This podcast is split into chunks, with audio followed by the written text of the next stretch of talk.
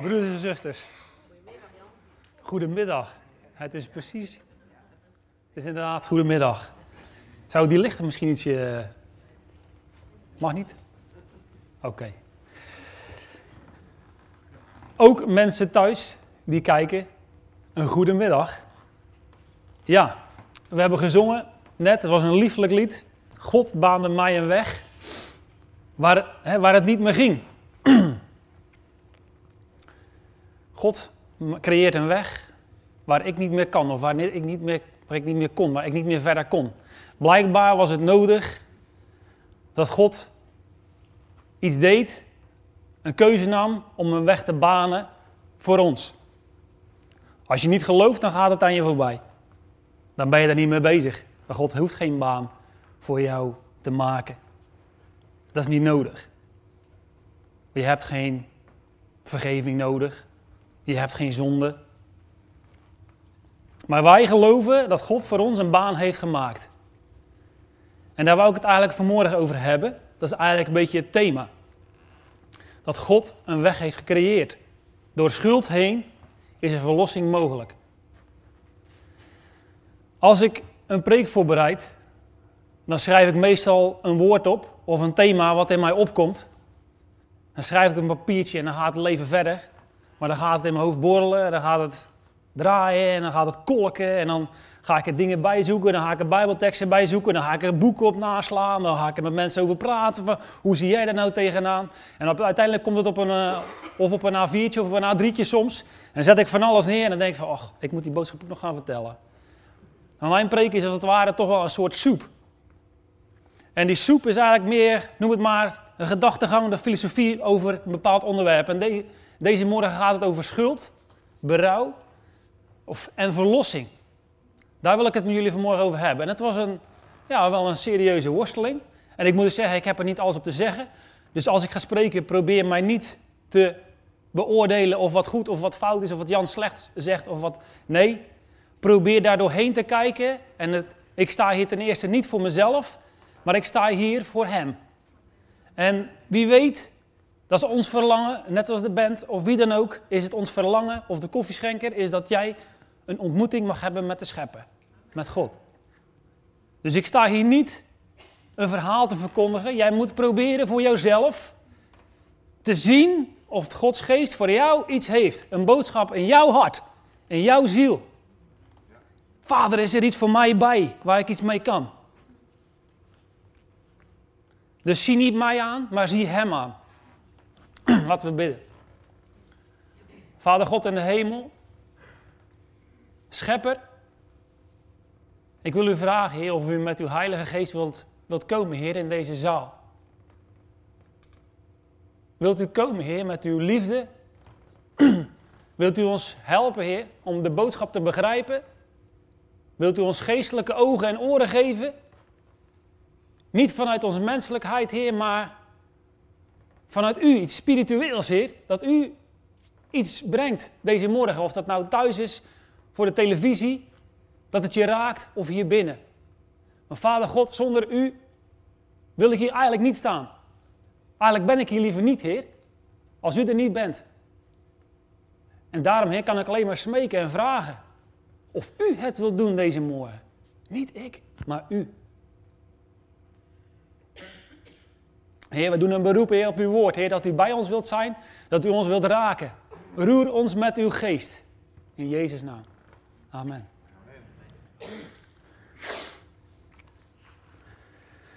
Voordat ik ga beginnen wil ik een tekst lezen.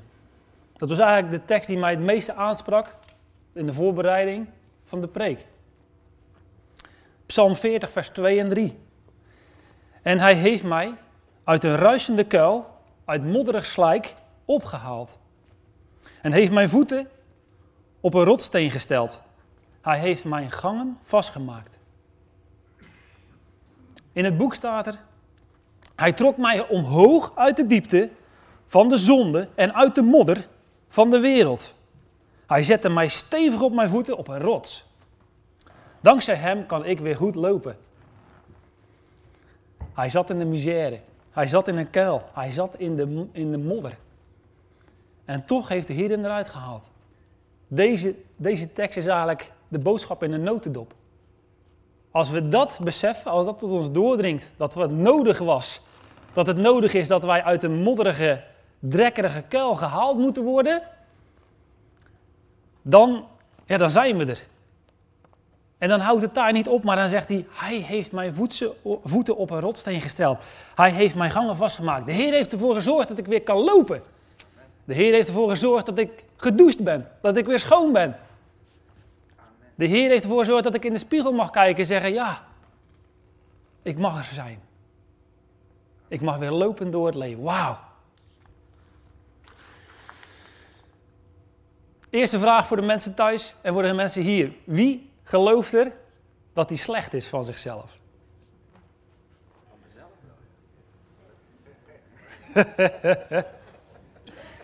Ja, je ziet toch wel wat vingers omhoog gaan. Vanmorgen zei ik het misschien wat anders. Ik heb deze boodschap vanmorgen ook wel gesproken. Het zal niet geheel hetzelfde zijn. Ik heb een aantal mensen gevraagd of ze hem zwaar vonden. Dat viel allemaal mee, dus ik ga er nog een tikkeltje bij doen van deze morgen. Middag. nee, maar goed. Dat zijn de dingen waar ik zelf ook mezelf eerst en eerste afvraag. Van ben ik een slecht mens? Heb ik het nodig om uit die modderige kuil of uit de slik getrokken te worden? Of heb ik dat niet nodig? Weet je, dat is de vraag.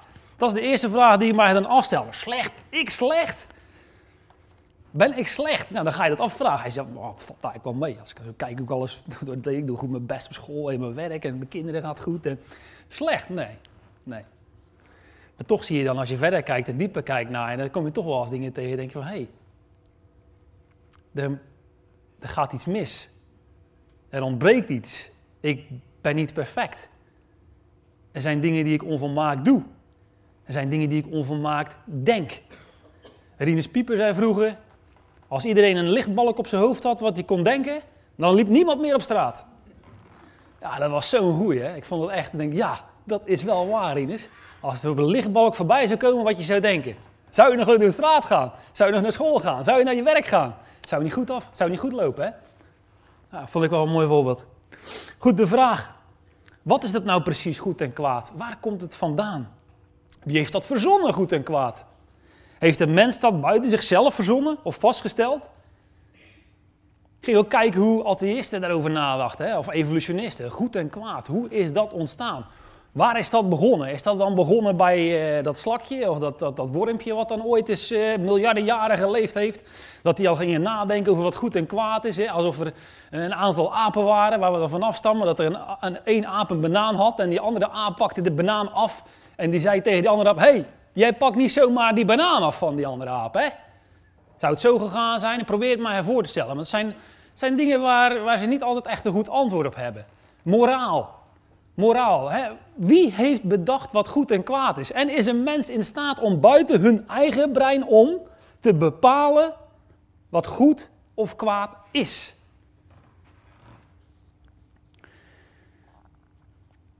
De oorsprong van goed en kwaad volgens de Bijbel op de een of andere manier kom ik altijd weer terug in mijn preek bij het begin. En dat is de Hof van Eden. Het gaat over de boom van kennis van goed en kwaad en de boom des levens. Blijkbaar had God het nodig gevonden om die twee bomen daar te zetten. Het was niet de duivel geweest die zegt: Kom, ik ga je met mijn spa nog een boom bijzetten. Ik zet hier de boom van kennis van goed en kwaad neer. Het was niet de duivel die het neerzette. Het was God zelf. En hij zette een boom neer des levens, waar alles goed zou zijn. Hoe zou het voor God geweest moeten zijn, denk ik, om die boom te zetten van kennis van goed en kwaad? Ik las het laatst in. Uh, uh, een filosoof zei erover: het leek wel alsof God in een existentiële crisis was met zichzelf. Hij wist niet wat hij moest doen. Moet ik nou wel de mens kennis laten maken met goed en kwaad, of moet ik het niet doen? Als ik het niet doe, dan zijn ze niet vrij. Dus ik moet het eigenlijk wel doen. En als we dan nog een stukje verder teruggaan, over hoe goed en kwaad ontstaan is, dan is daar ook een theorie, er zijn daar verschillende theorieën over, maar is dat er een opstand is geweest, ooit in de hemel, waarin er een engel was die zich, die in opstand kwam tegen hem, die zich boven God zelf wilde verheffen. Trots was het motief. Trots, ik ben het waard om meer te zijn dan hem. Kijk, ik heb er heel hard over nagedacht, maar ik kom daar natuurlijk ook niet zo heel erg uit over goed en kwaad, waar dat nou precies vandaan komt. ik kan niet zwart op wit zeggen, zo is het gegaan, dat gaat niet. Maar één ding weet ik wel, is dat het wel bestaat en dat wij een soort definitie hebben van goed en kwaad.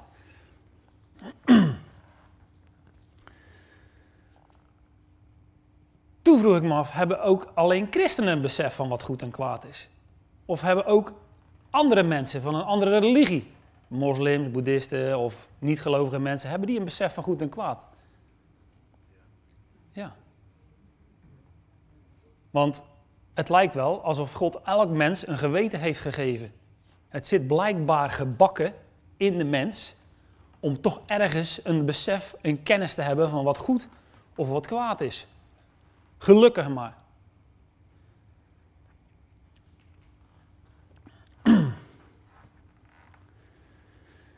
Goed en kwaad definiëren. Je zag het al inderdaad in Genesis. En het ging al gelijk fout met Kain en Abel. Kain sloeg zijn eigen broer dood. En zonder dat God een wet had gegeven, zei hij al tegen Kain: Joh, als jij nou doet wat goed is, dan zal het jou ook goed gaan. Hij motiveerde Kain al van: Joh, doe goed. Je weet wat je moet doen, maar je doet het niet. Om dan even een uitstapje te maken verder naar het Oude Testament, is dat er een moment is geweest dat God dat verbond aanging met Abraham. Om ze vervolgens later uit de woestijn te leiden en om ze daar bij de berg te brengen en om het volk daar te onderwijzen. Om een verbond aan te gaan wat God zegt, ik zal voor jullie zorgen, ik hou van jullie, als jullie doen wat ik zeg. Dat was eigenlijk het verbond. Gehoorzaamheid en God. Ik zal jullie God zijn. Maar God creëerde, er werd een godsdienst gecreëerd. Er kwamen stenen tafelen, er kwamen tien geboden aan. Er kwamen nog veel meer geboden aan. Er kwam een tabernakel aan waarin God gediend werd. Godsdienst werd op die manier ingericht. En de mens besefte door de tien geboden en de wet heen dat ze eigenlijk helemaal niet in staat waren om zijn wet te houden. God gaf hun een gebod wat eigenlijk de lat veel te hoog lag. Daar werd niet overheen gesprongen. Nee, eerder nog, er werd onderdoor gelopen. Het lukte ze niet. En op maandagavond volg ik hier met David de Bijbelstudie. En dan gaan we door het Oude Testament heen. En dan zitten wij met onze handen in onze haren denken van... Man, man, man, wat een stelletje stumpers zijn die Israëlieten zeg. Wat maken ze er een ongelooflijk soortje van. Echt waar. Dat je je eigen afvraagt en dat we moeten bidden... Vader God, hoe kan het nou? Hoe kan het nou dat ze er zo'n zo'n rommeltje van maken? En dan zitten we eigenlijk in de Bijbel te wijzen... Jongen, jongen, die Simpson, wat een stakker. Wat, een, wat maakt die stomme beslissingen, zitten we met z'n allen. Kijk in het boek en zei ja, dat zou ik nou nooit doen. Zo'n soort rare dingen. Foei. Foei, Simpson. Ja, het is, het is echt op, een, de andere kant de manier kijken, uh, een oordeel geven over dat iets wat niet goed gaat. Maar het is ernstig. Het is heel ernstig. En als we inderdaad bij Richteren uitkomen in het boek Richteren, eh, waar eigenlijk geen koning meer was en geen sturing meer was, zien we dat de mensen helemaal eigenlijk losgeslagen zijn. En dat ze dingen doen die je misschien vandaag de dag ook nog wel ziet. Doodslag, verkrachtingen, mishandelingen, ja, ik, ik kan ze niet allemaal opnoemen, maar we komen daar een hele rits aan dingen tegen die mensen doen als ze God loslaten. Als ze niet meer geleid worden door misschien Gods gebod. En dan staat er ook in Richter, en ik zal dat nooit meer vergeten in mijn leven. Er staat een paar keer in Richter, en de mens deed wat goed was in zijn eigen ogen. Dat was voor mij een eye-opener. De mens doet wat goed was in zijn eigen ogen. Er was geen koning in die tijd. Er was geen sturing. Ja, en dan leg ik al gelijk ook die link naar vandaag de dag. Denk van, oh, er is, is er nog sturing? Is er nog een God? Dus inderdaad, die cyclus. Een cyclus van zonde, straf, berouw, vergeving en herstel. Door de hele Bijbel zien we die lijn heen, want ze mochten altijd terugkomen bij God. Er was nooit een moment dat God zei van, joh, nou is het echt klaar. Nu hebben jullie echt een potje van gebakken, nu ben ik er klaar mee. Nee, God was altijd daar in zijn verbond.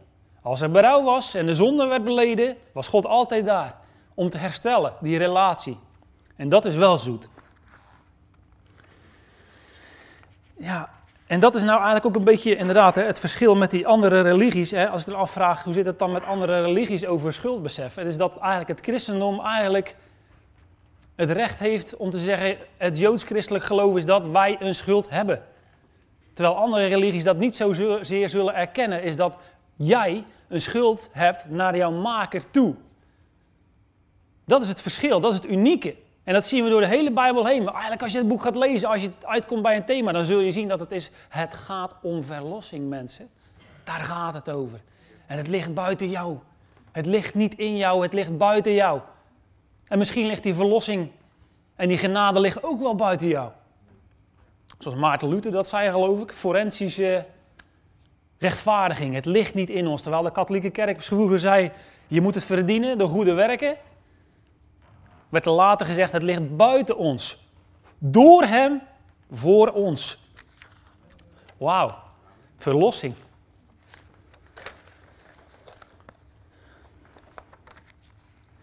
Ja, dan kom ik bij een ander gedachte. En dat, ik las die tekst. Ik dacht, over, als het dan gaat over schuld en berouw en dat besef hebben, dat gevoel hebben.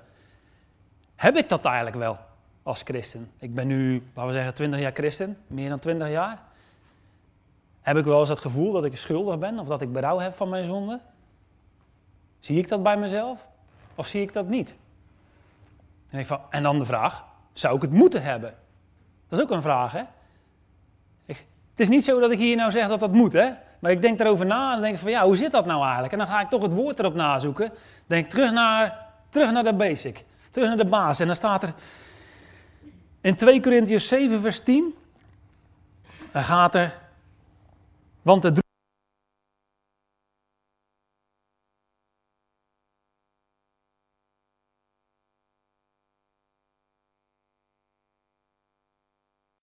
moet ik dat hebben, dat berouw, een schuldgevoel naar God toe. Want de droefheid naar God werkt een onberouwelijke bekering tot zaligheid, maar de droefheid der wereld werkt een dood. Merk je dat daar een onderscheid wordt gemaakt in droefheid? Onderscheid van verdriet, werelds verdriet.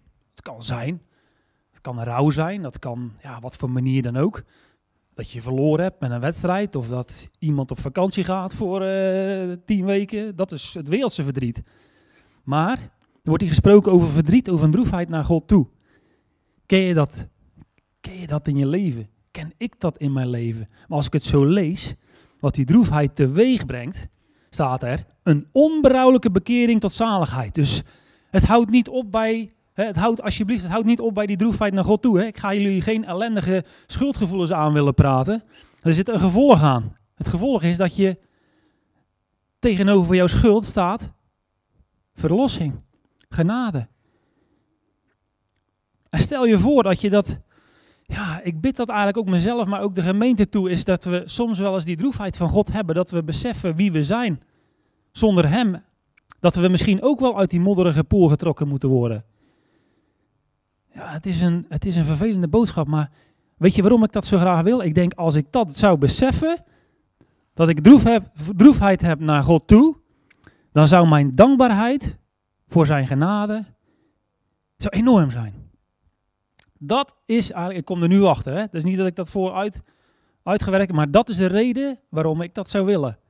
Omdat ik besef, dat ik misschien wel besef dat ik in de modder zit.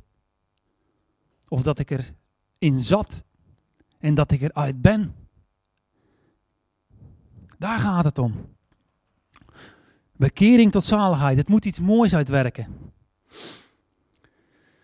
Sta stil bij het besef van jouw eigen schuld. Hebben wij nog schuld? Staan wij schuldig tegenover God? Heb je dat wel eens goed beseft? Ja, geen maar dan. Uh... Nog schuld? Staan wij schuldig tegenover God? Heb je dat wel eens goed beseft, dat je schuld hebt? Of misschien, om het misschien nog wat minder evangelisch uit te drukken, dat je slecht bent van jezelf. Ja. Het Oude Testament had dus nodig dat er een offercultus ontstond. Er moesten constant dieren aangedragen worden om ververgeving van onze zonden, van de dingen die verkeerd werden gedaan. Eeuwenlang heeft dat plaatsgevonden. Het was niet genoeg, er moest constant geofferd worden. De mens was vervreemd van God. En het Oude Testament wint daar geen doekjes om. Daar is inderdaad een vervreemding plaatsgevonden. En dat is, ja, dat is niet best. Ja, daar moest iets tegenover gezet worden. Er moest schuld bekend worden en gezegd worden dat er schuld was. Maar er was ook vergeving. En in de middeleeuwen had je in de katholieke kerk had je de biecht. Ik weet niet of hier iemand is die ooit wel eens in de biecht is geweest, werkelijk. Ik zie daar wel een paar vingers inderdaad, de mensen die biecht hebben gedaan. dat idee daarvan, het idee van een biecht is dat jij daar naar binnen gaat en jij tegen de geestelijke vertelt ten eerste dat je berouw hebt van je zonde. dat je zegt van, hé, hey, ik heb iets verkeerd gedaan.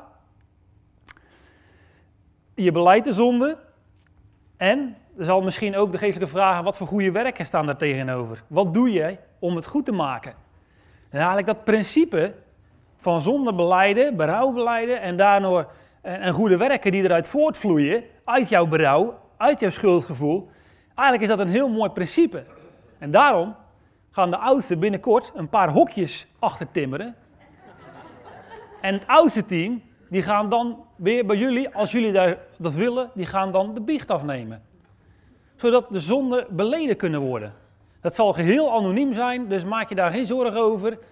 Uh, je privacy blijft uh, ongeschonden, maar ja, hoe moet dat wel niet zijn om eens een keer toch, toch met iemand een gesprekje te hebben over te zeggen van, joh heer, ik zie een paar dingen die, uh, ja, die niet kloppen. Of zit je daar binnen en dat kortje zegt, ja heere God, of ja, meneer de pastoor of meneer Edwin, dat gaat eigenlijk goed. Als ik zo naar mezelf kijk, dan is er eigenlijk niks op aan te merken dat ik zeg van, nou, gaat, ja goed, ik zie wel eens een paar dingetjes die niet helemaal kloppen, maar over het algemeen, dat gaat lekker Edwin. Goed zo, zegt Edwin. Ga zo door.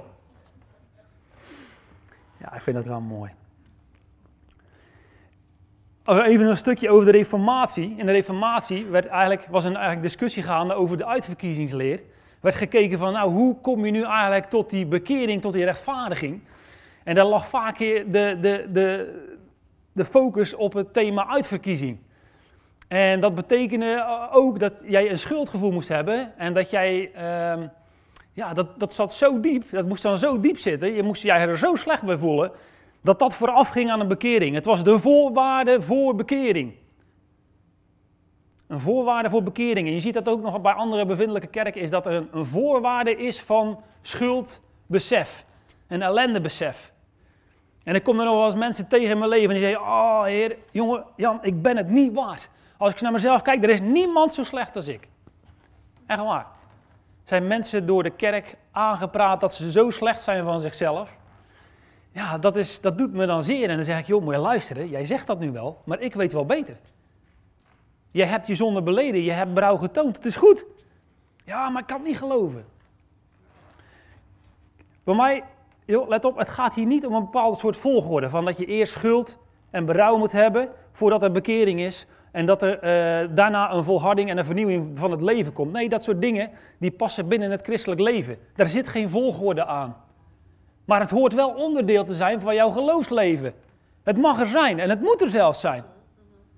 Als wij de nadruk leggen bij alleen genade, ja, dan, dan is de waarde van het kruis wordt ook aan de andere kant wat minder als je niet beseft wat er voor nodig is geweest dat jij genade krijgt.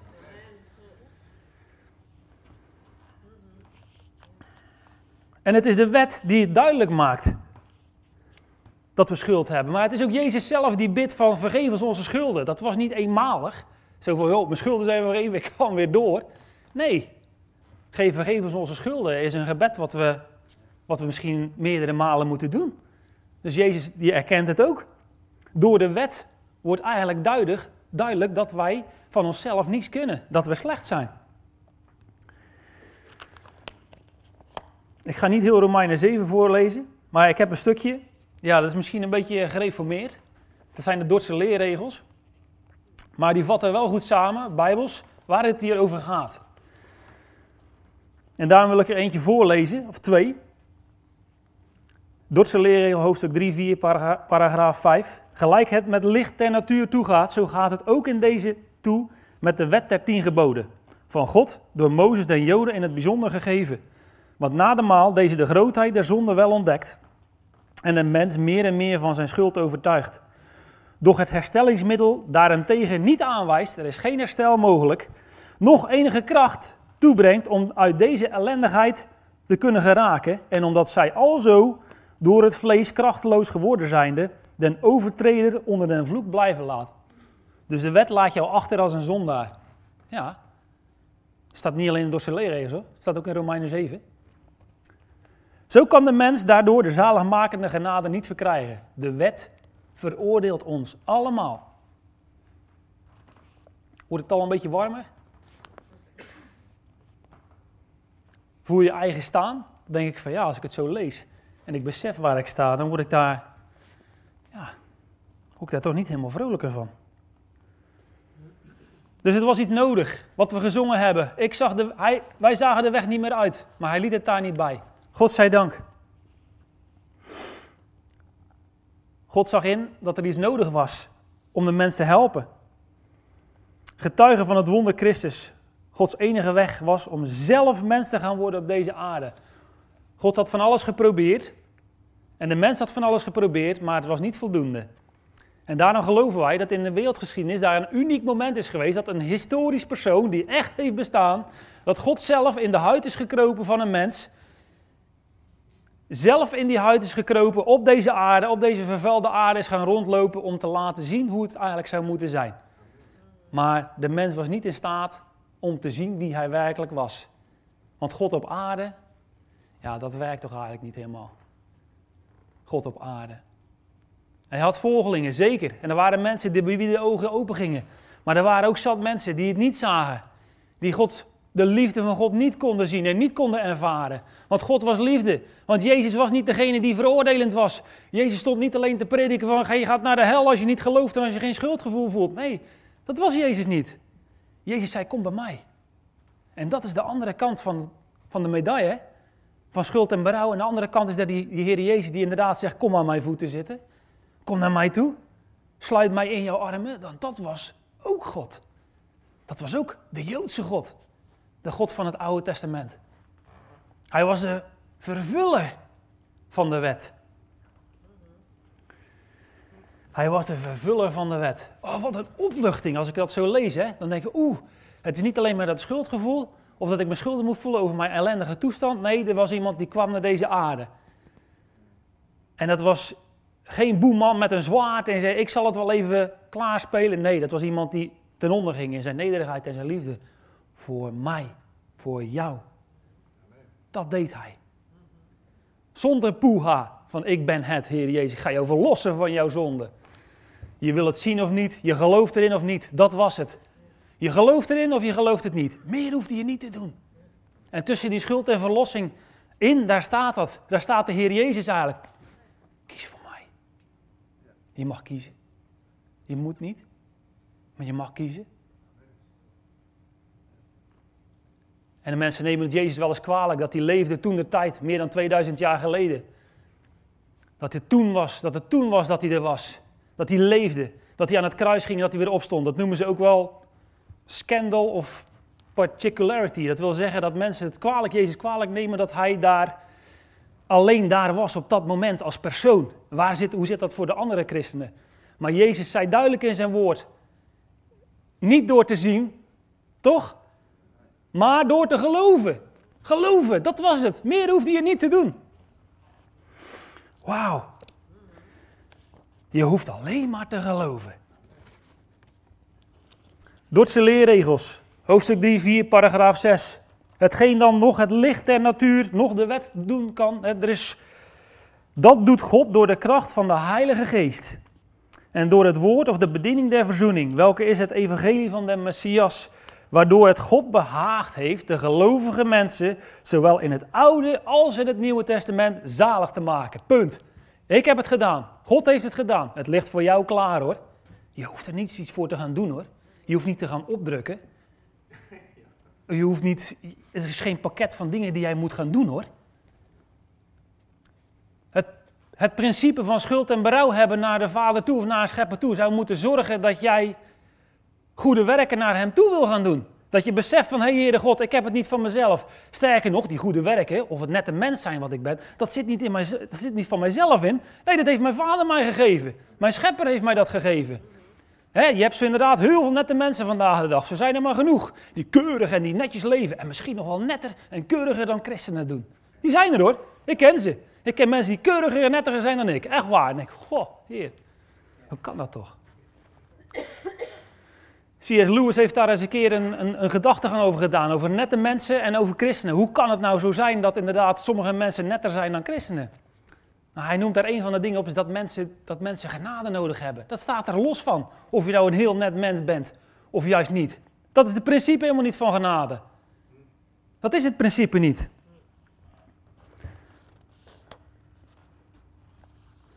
Ja, als het dan gaat over, over, over schuld en genade, hoe zit dat dan?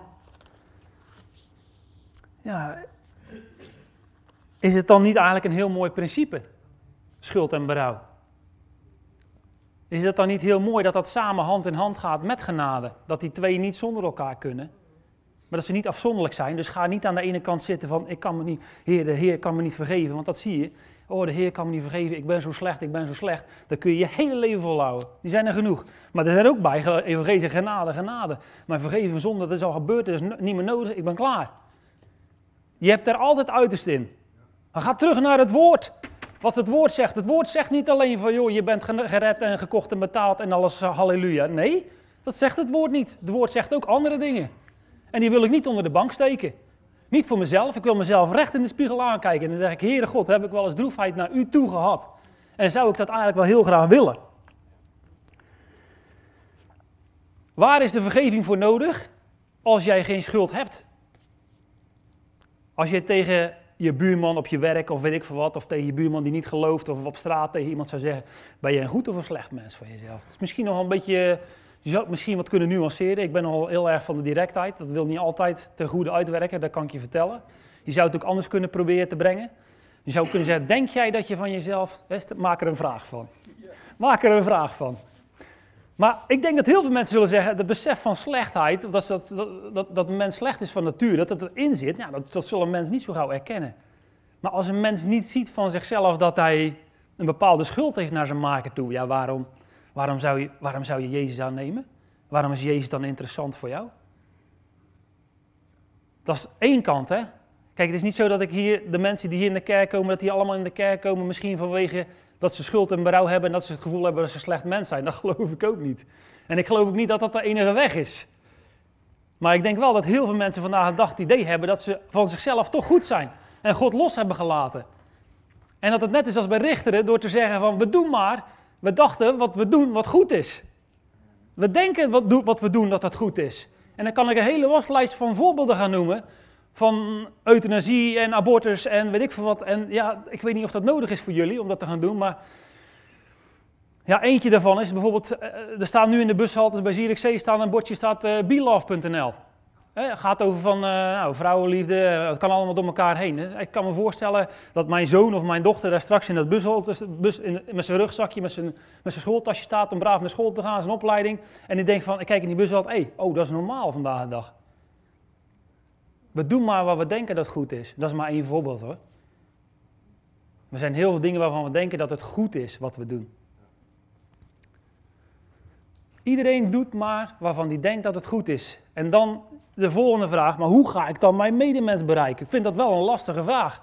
Ik kan niet op mijn werk gaan orakelen van jongens, jij, je gaat naar de hel. Je bent schuldig. Je hebt een schuld te vereffenen tegenover je maker. Wat zou er gebeuren als ik dat zou doen? Dan zou ik, ik denk dat ik zou me overtrekken van mijn werk. Hoor. Daar hoef ik niet meer te komen. Maar in de geschiedenis zijn er een aantal opwekkingspredikers geweest, waar we met z'n allen wel van denken dat is fantastisch en mooi geweest. Zoals Spurgeon en Whitfield en, en Murray en, nog een aantal anderen, daar waar hè, dat er een opwekking plaatsvond, dat, dat zeg maar duizenden of tienduizenden mensen tot geloof kwamen. Maar wel met die boodschap. Niet alleen dat, maar wel met die boodschap van joh, je hebt een schuld en je hebt vergeving nodig. Een voorbeeld daarvan was in, uh, in Noord-Korea in 1907. Is er een opwekking geweest. Daar waren een aantal evangelisten naartoe gegaan. En daar vond een opwekking plaats onder duizenden mensen. Tot uiteindelijk dat er 200, meer dan 200.000 mensen tot geloof kwamen. En een paar van die predikanten omschreven wat daar gebeurde. En let op, want zo'n opwekking gebeurt niet door zo'n dominee, maar de opwekking gebeurt doordat de Heilige Geest hun harten roert. En oh, wat verlang ik daarna dat God dat ook eens misschien bij ons doet, of in de Steenbergen, of wat dan ook. En staat er, zegt de dominee, op de achtste conferentieavond vond er volgens dominee Graham Lee een bijzondere uitstorting van de geest plaats. Hij schrijft hierover, de een na de ander stond op, beleed zijn zonde, totdat hij niet meer verder kon, om dan te gaan huilen en zich op de grond te werpen en met zijn vuisten op de vloer te slaan als in volkomen doodstrijd vanwege de overtuiging van zonde. Kom maar. De, en nog eentje. William Blair schreef over de bijeenkomst: Iedere zonde die een menselijk wezen kan begaan, werd die avond in het openbaar beleden. Bleek en trillend van emotie, in lichamelijke en geestelijke doodstrijd, stonden daar de mensen voor God, met het schuldbewustzijn in hun zielen gegrift, in het heldere licht van zijn oordeel. En ze zagen zichzelf zoals God hen zag. Ze keken op naar de hemel, naar Jezus, die ze verloochend hadden. Zij sloegen zich op de borst en schreeuwden het uit met bittere klag. Heere, Heere, sluit ons niet voor eeuwig buiten. Al het andere was vergeten, dat deed er niet meer toe. Niets was er meer wat hun interesseerde. En zo'n dominee die schreef erover, die het had meegemaakt, hij zei, ik zou het nooit meer willen meemaken. Wat hij zag. Zo heftig. Kijk, dat is misschien de andere kant, maar als ik dat lees, dan word ik daar wel blij van. Dan denk ik, hoe, kan het, dat is, hoe mooi is dat als mensen tot een inkeer komen en zien dat er een schepper is. Want het houdt niet op bij dat besef van schuld en berouw. Want hoe fijn zou het zijn om inderdaad het modder is helemaal van je af te wassen. Als er modder is. En nu ga ik niet zeggen tegen jullie, jullie moeten jullie schuldig voelen of berouw tonen. Nee, ik wil alleen maar zeggen is dat het een onderdeel is van het christelijk geloof wat erbij hoort en als je dat niet hebt en je hebt het nooit ervaren, ik zeg niet dat dat verkeerd is, maar het is wel een onderwerp wat in de Bijbel staat, wat we met elkaar moeten bespreken. En ja, aan de andere kant, schuld en berouw, hè, dat klein zijn aan de voeten van Jezus, jouzelf helemaal klein maken, dat er niets meer is van jezelf, dat maakt wel dat jij gevormd en gekneed kunt worden door Hem. Dus het is niet iets negatiefs, het is iets positiefs als dat gebeurt. Want de Heer kan daar ook wel iets moois uit opmaken. Hoe zat dat ook alweer met, dat, met die graankorrel die in de aarde sterft? Eerst moet de graankorrel in de aarde vallen, te sterven en dan te groeien. En dat, ja, wie wil dat niet? Ik denk dat iedereen dat wil hier, toch? Zou jij niet meer willen groeien, meer naar Hem toe, meer voor Hem willen betekenen? Want het antwoord van die genade, van die zoete genade, gaat zijn dat jij voor Hem wilt leven. Dat je een liefdevol mens wilt zijn naar de ander toe. Of dat je goede dingen doet voor een ander. Dat je hart opspringt en juicht en blij bent van ja Heer, ondanks dat ik in de modder zat.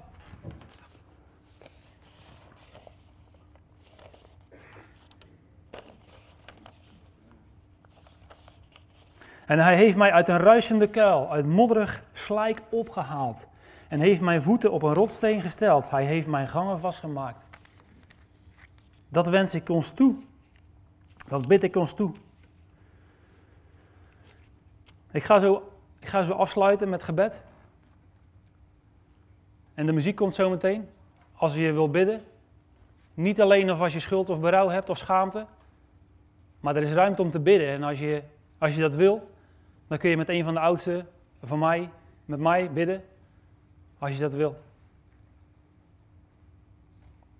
Vader God in de hemel, Heer wil u danken voor uw boodschap, voor uw woord. En dat, we, dat u de deur niet dicht heeft gegooid, Heer, maar dat u al zag dat er een deur open moest gaan, dat u een deur moest maken, Heer, een uitweg moest maken naar, voor ons toe, Heer.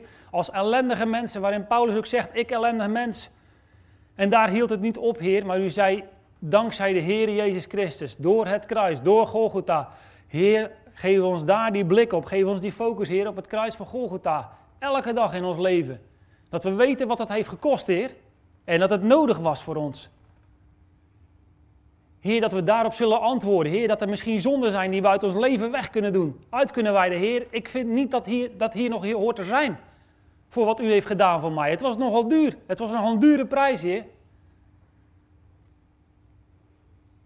Dank u wel, Heer. Voor uw genade. U heeft ons weer op onze voeten gezet, dat we mogen lopen. In Jezus' naam. Amen.